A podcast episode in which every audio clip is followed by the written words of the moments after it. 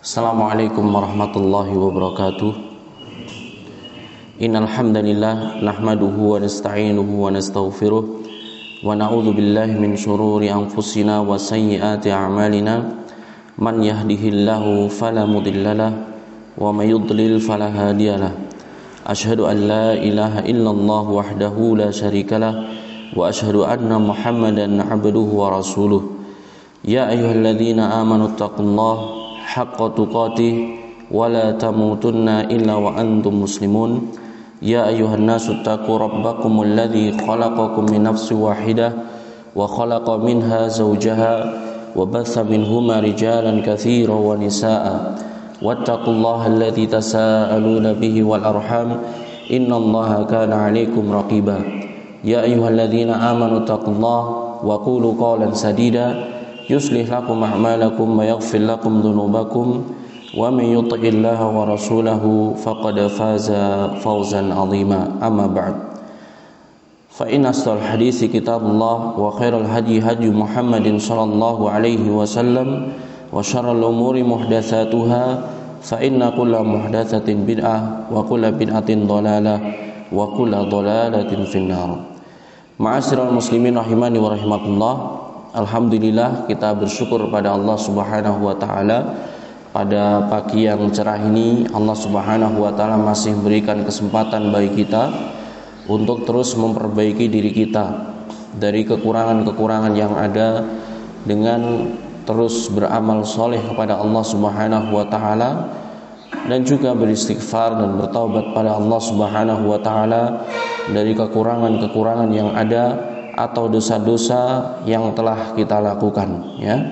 Semoga kita termasuk golongan-golongan yang beruntung yaitu orang-orang yang senantiasa diberikan taufik oleh Allah Subhanahu wa taala istiqamah di atas agama yang lurus. Ma'asyiral muslimin rahimani wa rahimakumullah.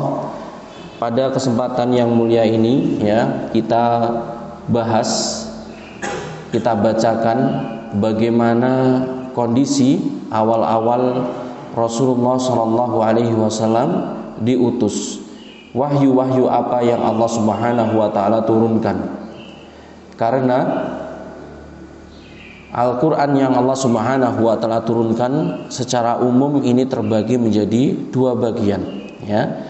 Bagian yang pertama adalah yang diturunkan oleh Allah Subhanahu Wa Taala sebelum hijrahnya Nabi Shallallahu Alaihi Wasallam yang disebut dengan apa? Surat-surat makiyah ya.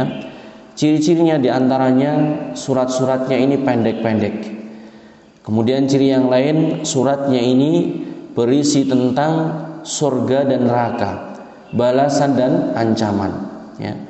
Yang ini semuanya disebutkan oleh para ulama ya. Tatkala kondisi manusia di dalam kejahiliannya ya dalam kebodohannya kerasnya hati dan seterusnya cara yang terbaik adalah dengan mengingatkan ada kehidupan setelah kehidupan dunia ini ya jadi kedablakan-kedablakan yang ada ini kalau diperintahkan sholat, diperintahkan zakat, ini mereka belum terbuka dengan hal tersebut, ya.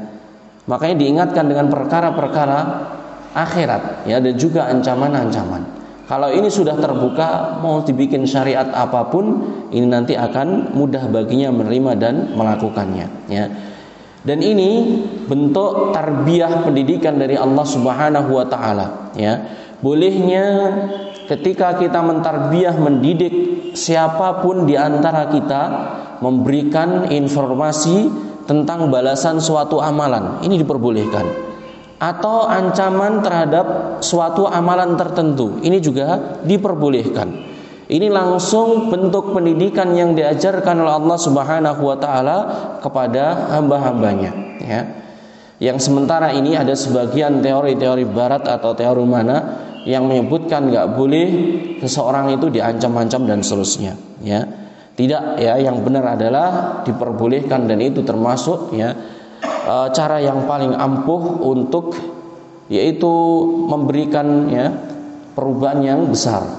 Demikian juga banyak kita temukan hadis-hadis Nabi Shallallahu Alaihi Wasallam tentang uh, targhib yaitu motivasi untuk beramal, wa tarhib yaitu untuk menakut-nakuti, mewarning terhadap suatu amalan. Bahkan para ulama ya, mereka itu ada yang menuliskan atau mengumpulkan hadis-hadis yang terkait dengan masalah ini ya. Ada banyak sekali kitab-kitab mereka di dalam bab tarhib wa tarhib ya. Ini bisa antum cek ya. Kembali ke sini ma'asyiral muslimin rahimani wa rahimakumullah. Di antara tadi surat selanjutnya surat-surat Madaniyah ya. Madaniyah yang diturunkan setelah setelah hijrahnya Nabi Shallallahu alaihi wasallam. Ada yang sedikit keliru yang dipahami oleh kaum muslimin kalau Makiyah itu diturunkan di Mekah ya. Kalau Madaniyah diturunkan di Madinah ya. Ini pemahaman yang kurang benar. Yang benar adalah sebelum hijrah dan setelah setelah hijrah. Ciri-cirinya surat-suratnya panjang, kemudian membicarakan banyak hukum-hukum ya banyak-banyak hukum Islam dan seterusnya makanya di pelajaran-pelajaran tafsir kalau membicarakan masalah akidah dan keimanan rata-rata adalah surat-surat makiyah ya kalau misalkan masalah hukum-hukum ya ayatul ahkam itu rata-rata diletakkan atau mulainya itu dari depan ya tafsir tentang ayatul ahkam itu dari surat al-baqarah kemudian ke belakang karena memang seperti itu ya uh, isi atau kandungan dari surat-surat yang Allah Subhanahu wa taala turunkan. Kaum muslimin rahimani wa rahimakumullah, di antara surat Makkiyah tersebut adalah surat At-Tin ya dan kita sudah sebutkan mukadimahnya di awal-awal surat Allah Subhanahu wa taala bersumpah dengan apa buah tin, buah zaitun, gunung Saina, terus kemudian kota Makkah Al-Mukarramah ya. Ini adalah tempat-tempat yang diistimewakan oleh Allah Subhanahu wa taala ya tin zaitun di sini tempat tumbuhnya buah tin dan zaitun. Di situ diutusnya para nabi dan para rasul. Demikian juga kota Mekah, ya tempatnya Nabi Shallallahu Alaihi Wasallam berdakwah, diangkat oleh Allah Subhanahu Wa Taala menjadi seorang nabi dan dan rasul. Ya, setelah Allah Subhanahu Wa Taala bersumpah, ya, ini kalau dalam pelajaran bahasa Arab, ya ada rukun-rukunnya ya, alatnya bersumpah yang disumpahi, ya ini disebutkan ini menunjukkan kemuliaan terus kemudian jawabul qasam. Apa sih sebenarnya Allah Subhanahu wa taala sumpah dengan menyebutkan nama-nama tadi ya. Kalau seorang hamba dia itu sudah bersumpah berarti menunjukkan kecenderungan benar-benar dia akan melakukannya ya. Ini pada seorang hamba. Misalkan uh, dia diundang ya Besok datang ya, kita akan olahraga bareng. Iya. Datang betul ya. Demi Allah saya akan datang. Ini ya. Ini menunjukkan kesungguhan benar-benar dia itu akan melakukan. Atau misalkan mengabarkan sesuatu ya. Di sana tadi ada kecelakaan. Masa sih jalan sepi kayak gini ada kecelakaan? Demi Allah saya melihat sendiri di sana ada kecelakaan. Itu menunjukkan benar-benarnya peristiwa yang dia itu sampaikan dengan menyebutkan sumpah tersebut. Demikian juga tatkala Allah Subhanahu wa taala bersumpah dengan nama-nama yang diagungkan ini tadi, ya. Setelahnya Allah Subhanahu wa taala menghabarkan laqad khalaqnal insana fi ahsani taqwim. Sungguh, sungguh padahal ini sudah kesungguhan, tapi Allah Subhanahu wa taala menekankan lagi Sungguh-sungguh kami telah menciptakan pakai fi'il madhi lagi, telah menciptakan manusia dalam kondisi yang sebaik-baiknya. Ya. Dalam bentuk yang paling indah, yang paling bagus. Dan kita saksikan sendiri manusia demikian, ya. Manusia demikian dalam kondisi yang sangat luar biasa sekali yang Allah Subhanahu wa taala ciptakan. Zahirnya sudah disebutkan ya, tinggi tegak ya, terus kemudian dengan uh, perangkat yang sesuai dengan alam ini ya mata letaknya mata tempatnya telinga dan seterusnya bahkan dibekali yang lebih dari itu yaitu berupa akal ya yang manusia bisa berpikir mengembangkan terus ya karya-karya yang dia inginkan ya. Ini menunjukkan ciptaan Allah Subhanahu wa taala yang luar biasa ya. Ini sudah terjadi ya dan terus terjadi. Thumma radadnahu asfala safilin kemudian yang akan terjadi nanti kami akan jadikan manusia tersebut ke tempat yang serendah-rendahnya. Kaum muslimin rahimani wa rahimakumullah Yang sekarang kita saksikan di dunia ini ya, secara zahir manusia sama. Orang kafir, orang mukmin, orang taat, orang maksiat ya. Orang-orang yang senantiasa mengerjakan ibadah, orang yang senantiasa meninggalkan ibadah, semuanya sama. Secara zahir ya. Bahkan fisiknya orang-orang yang meninggalkan ketaatan boleh jadi mereka itu lebih lebih menarik, misalkan ya hartanya lebih banyak, lebih sehat ya dan seterusnya. Karena sumpah yang Allah Subhanahu wa taala sebutkan summa radadnahu asfala safilin nanti tatkala di akhirat Orang kafir yang mereka tidak mau masuk Islam, mereka adalah orang-orang yang kekal di neraka. Yang namanya kekal tidak akan dikeluarkan dari neraka tersebut. Siapakah orang kafir? Orang-orang musyrik dengan kesirikan yang besar yang mengeluarkan pelakunya dari keislaman meskipun dia menamakan Islam. Ini mereka juga kekal di dalam neraka. Kemudian juga orang-orang munafik dengan kenifakan yang besar menampakkan keislaman namun pada hakikatnya mereka adalah orang yang memerangi Islam dan juga pemeluk agama Islam. Mereka kekal di dalam neraka. Ya. Ini adalah golongan orang-orang ya yang Allah Subhanahu wa taala kekalkan di dalam neraka. Dan orang-orang yang beragama lain selain agama Islam ya. Ini nanti yang disebutkan Allah Subhanahu wa taala mereka lah orang yang berada di dalam tempat yang serendah-rendahnya yaitu neraka. Dan pasti ini akan terjadi ya. Dan ini bukan kejadian di di dunia. Kemudian setelahnya ilal ladina amanu wa amilu salihat falahum ajrun ghairu mamnun kecuali orang-orang yang beriman, orang-orang yang beramal soleh, maka bagi mereka adalah pahala yang tiada putus, balasan kebaikan yang tiada putus, kenikmatan-kenikmatan yang tiada ujungnya diberikan kepada siapa? Orang-orang yang beriman dan orang-orang yang beramal soleh. Ma'asyiral muslimin rahimani wa rahimakumullah, tatkala Allah Subhanahu wa taala menyebutkan ya orang-orang yang kekal di dalam neraka, kemudian orang-orang yang dikecualikan. Disebutkan oleh para ulama lughah, kalau sesuatu yang dikecualikan berarti jumlahnya itu sedikit. Nah, ini menunjukkan bahwa yang masuk ke dalam neraka itu lebih banyak daripada orang-orang yang masuk ke dalam surga mendapatkan suatu kenikmatan. Ya. Seperti perkataan ini hari kecepit misalkan gitu ya. Semuanya Semuanya masuk kecuali satu dua tiga. Saya tanya, berarti ya banyak yang masuk atau tidak? Banyak yang masuk karena yang dikecualikan di tiga. Misalkan tanggal merah, semuanya tidak masuk kecuali satu dua tiga. Yang dikecualikan pasti ini adalah jumlahnya sedikit. Demikian juga ma'asyiral muslimin rahimani wa rahimakumullah, jumlahnya orang yang beriman, jumlahnya orang yang beramal soleh ini tidaklah banyak ini sangat sedikit sekali. Ini bisa kita saksikan sendiri, ya. Kalau ada misalkan tablet akbar, ya. Tablet akbar itu penyampaian atau kajian besar atau super besar. Sebanyak-banyaknya tablet akbar, ya. Ini pasti kalah dengan tablet-tablet yang lainnya. Entah itu acara konser, ya. Entah itu hiburan-hiburan yang lain ini jumlahnya sangat sedikit. Ya ini bukti bahwasanya orang yang mencintai kebaikan ini jumlahnya tidak tidak banyak ya. Padahal ma'asyiral muslimin rahimani wa rahimakumullah disebutkan oleh Rasulullah ya, iman itu ada lezatnya, iman itu ada manisnya, iman itu ada nikmatnya. Ya. Orang-orang yang sudah beriman dan beramal soleh kalau merasakan itu ya tidak ingin merasakan yang lainnya. Sampai Syekhul Islam Taimiyah mengatakan ya sesungguhnya di dalam dunia ini ada surga. Barang siapa yang tidak merasakan surga di dunia, dia tidak akan bisa merasakan surga di akhirat.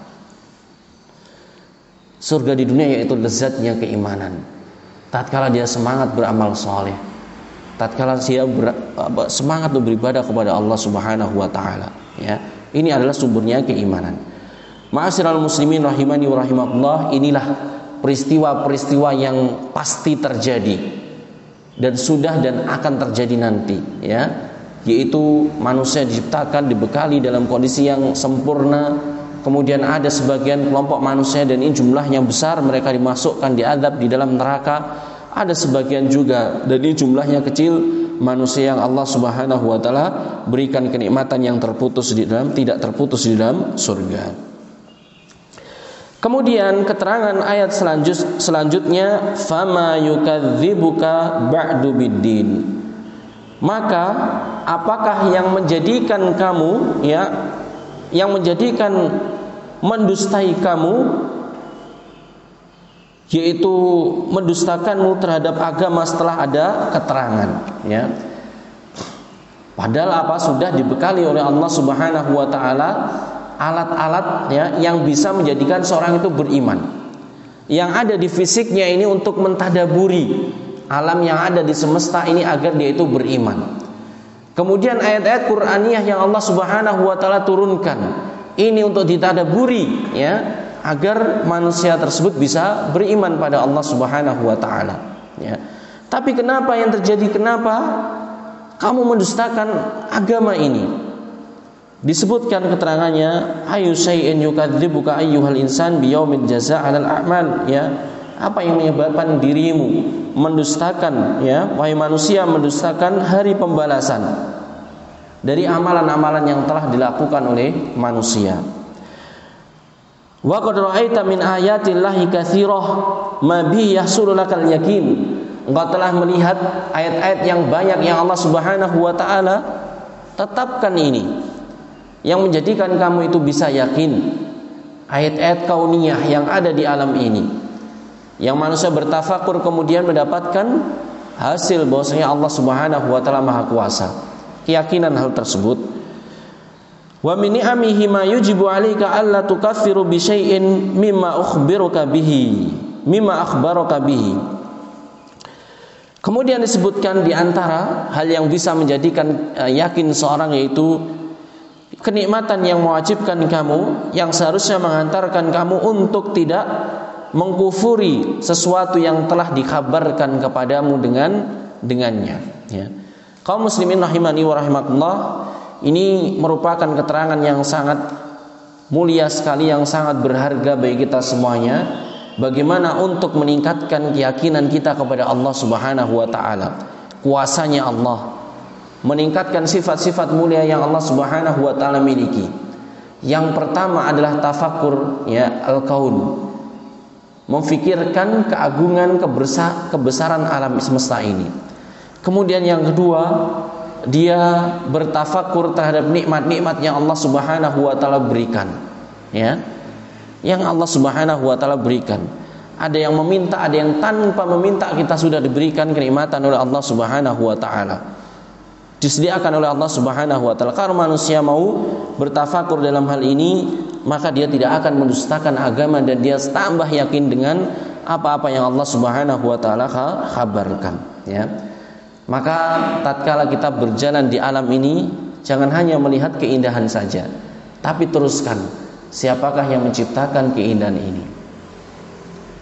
Tatkala kita merasakan kenikmatan, kita bersyukur, kemudian kita ingat siapakah yang memberikan kenikmatan ini yang demikian tersebut menjadikan kokohnya keimanan kita ya keyakinan kita terhadap Allah Subhanahu wa taala dan tidak mendustakan ya, agama yang Allah Subhanahu wa taala turunkan Kemudian di akhir dari surat ini Allah Subhanahu wa taala berfirman, "Alaisallahu biahkamil hakimin." Dan tidaklah Allah adalah hakim yang paling hakim, yang paling bijaksana, ya. Faltaqtadi hikmatuhu an yatruka al khalqa sudan. La yu'maruna wa la yunhauna wa la yusabuna wa la yu'aqabuna. Di antara ciri tanda seorang itu hikmah memiliki sifat kebijakan tidaklah sesuatu yang dilakukan kecuali ada manfaatnya tidaklah sesuatu yang dilarang kecuali ada manfaatnya Demikian juga Allah Subhanahu wa taala Al-Hakim, Allah Subhanahu wa taala Maha bijaksana juga demikian. Tatkala Allah Subhanahu wa taala menciptakan tidak hanya dibiarkan begitu saja setelahnya. Tapi Allah Subhanahu wa taala memerintahkan mereka, melarang mereka. Allah Subhanahu wa taala memberikan balasan kebaikan pada mereka. Allah Subhanahu wa taala juga ya mengikop yaitu membalas dengan balasan keburukan kepada mereka. Ya. Jadi hikmahnya Allah Subhanahu wa taala menciptakan penciptaan ini. Manusia diciptakan kemudian dibekali untuk hidupnya, hidup jasadnya dan juga hidup ruhnya dibekali oleh Allah Subhanahu wa taala. Ya. Ini tidak sia-sia ciptaan Allah Subhanahu wa taala. Kemudian setelahnya nanti Allah Subhanahu wa taala di dalam ya aktivitas dunia manusia diperintahkan dan juga dilarang. Perintah dan juga larangan ini bukan iseng-iseng saja ngerjain hamba-hambanya bukan. Ya, tidak seperti anak-anak apa kampus atau anak-anak sekolah itu ya ada masa orientasi atau ospek gitu ya. Apa yang mereka lakukan? Ya memerintahkan dan melarang, tapi dalam rangka untuk ngerjain gitu ya. Tapi Allah Subhanahu wa taala merintahkan dan melarang ini bukan demikian. Dan ini tidak bisa disamakan dengan makhluk. Allah Subhanahu wa taala merintahkan manusia dengan perintah agar hidupnya itu baik. Melarang manusia dengan suatu larangan agar hidupnya ini baik. Ini ada kitab atau pembahasan tentang bukti hikmahnya Allah Subhanahu wa taala di dalam pembahasan maqasidus syariah. Ya. Maqasidus syariah di sana itu dijelaskan. Ada perkara-perkara yang kalau itu diteliti, diteliti pasti akan kembali ke satu atau ke beberapa makosid ini. Tidak sia-sia yang Allah Subhanahu wa taala perintahkan dan juga larang. Kenapa khomer ini dilarang? Karena merusak akal. Kenapa sholat ini diperintahkan agar hidup manusia itu menjadi tertib, tenang dan seterusnya. Ini ada semuanya, ya. Maqasidus syariah. Kalau orang sudah belajar ini, dia semakin yakin bahwasanya tidak ada yang sia-sia yang Allah perintah dan juga larang wala wala yu'aqabun dan tidak mungkin Allah Subhanahu wa taala setelah merintah dan melarang tersebut tidak memberikan balasan kebaikan dan juga tidak membalas ya dengan suatu balasan keburukan ya. Yang taat mendapatkan kebaikan yang bermaksiat akan mendapatkan keburukan. Kemudian di akhir dari keterangannya Syekh Abdurrahman As-Sa'di mengatakan amal ladzi khalaqal insana atwaran ba'da atwarin ya Dialah Allah Subhanahu wa taala yang menciptakan manusia dari satu ya periode ke periode yang lainnya setelahnya. Wa ausala ilaihim minan ni'ami wal khairi wal birri ma, ma la yahsuluna ma, ma la yahsunahu ya. Jadi kemudian setelah Allah Subhanahu wa taala menciptakan manusia menyampaikan kepada mereka kenikmatan-kenikmatan, kebaikan-kebaikan ya dan juga bekal-bekal yang tidak terhitung jumlahnya. Ya. Jadi kebaikan yang Allah Subhanahu wa taala berikan pada hambanya ini tidak terhitung, sangat banyak sekali. Ya, sangat banyak sekali. Mulai dari awal diciptakan sampai nanti diwafatkan oleh Allah Subhanahu wa taala. Ya. Kebaikan Allah Subhanahu wa taala ini tidak terputus ya, terus diberikan. Warabbahum at-tarbiyatal hasanah Allah Subhanahu wa taala juga menjaga dengan penjagaan yang baik ya. Ini sudah kita paparkan sebelumnya. Manusia ya ketika di masa-masa tidak sadarnya banyak sekali lubang-lubang yang ada dalam tubuhnya ternyata dia tidak dijadikan sarang apa sarangnya hewan misalkan ya. Manusia dengan lemahnya ini ya akan tapi dia bisa menguasai atau mengendalikan sesuatu yang kuat. Kendaraan hewan-hewan ya transportasi atau yang lainnya, gedung-gedung yang kokoh dan seterusnya, ya. Ini kenikmatan yang Allah Subhanahu wa taala berikan ya kepada hambanya yaitu manusia. La buddha an yu'idahum ila darin hiya mustaqirruhum wa ghayatihim. Hiya mustaqirruhum wa ghayatuhum. Kalau sudah demikian haruslah Allah Subhanahu wa taala mengembalikan lagi ya ke suatu negeri yang dia itu adalah negeri terakhirnya, negeri ujungnya yaitu akhirat ya setelah kematian manusia akan mengadakan perjalanan yang sangat jauh sekali jika dibandingkan kehidupan manusia di dunia. Dan ujungnya dan akhirnya nanti di surga atau neraka itulah tempat keabadian. Ya. Ketika baik di dunia dengan masa yang sedikit ini dia akan mendapatkan kenikmatan yang terus-menerus di akhirat nanti berupa surga.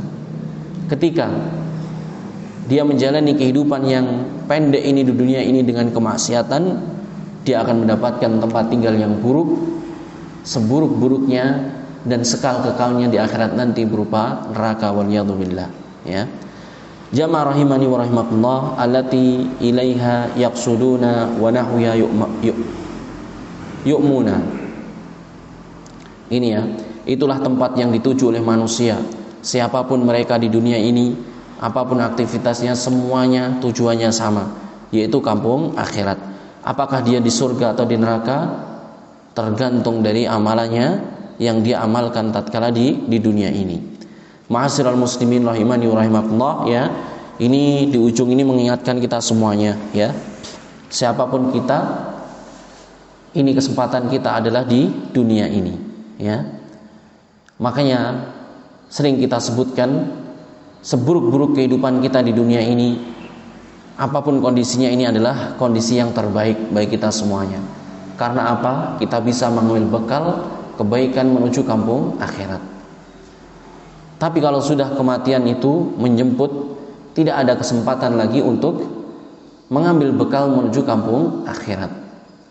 Namun sayangnya sangat disayangkan sekali manusia ketika membicarakan masa depannya yaitu masa depan yang sebenarnya bukan depan dan itu adalah akhir kehidupan mereka di dunia. Masa depannya adalah tatkala mereka berumah tangga dan punya anak-anak. Mungkin yang lebih jauh lagi masa depan yang mereka anggap adalah ketika anak-anaknya besar. Mungkin yang lebih jauh lagi yang mereka takutkan masa depan mereka adalah masa tua ketika tidak ada yang merawatnya. Mungkin yang lebih jauh lagi masa depan mereka yang dimaksud adalah pingin di hari-hari tuanya ini mendapatkan suatu kenikmatan. Tapi hakikatnya ma'asyiral muslimin rahimani wa rahimakumullah itu bukan masa depan yang sebenarnya. Itu merupakan masa awal untuk menuju masa depan yang sebenarnya menuju rumah kita.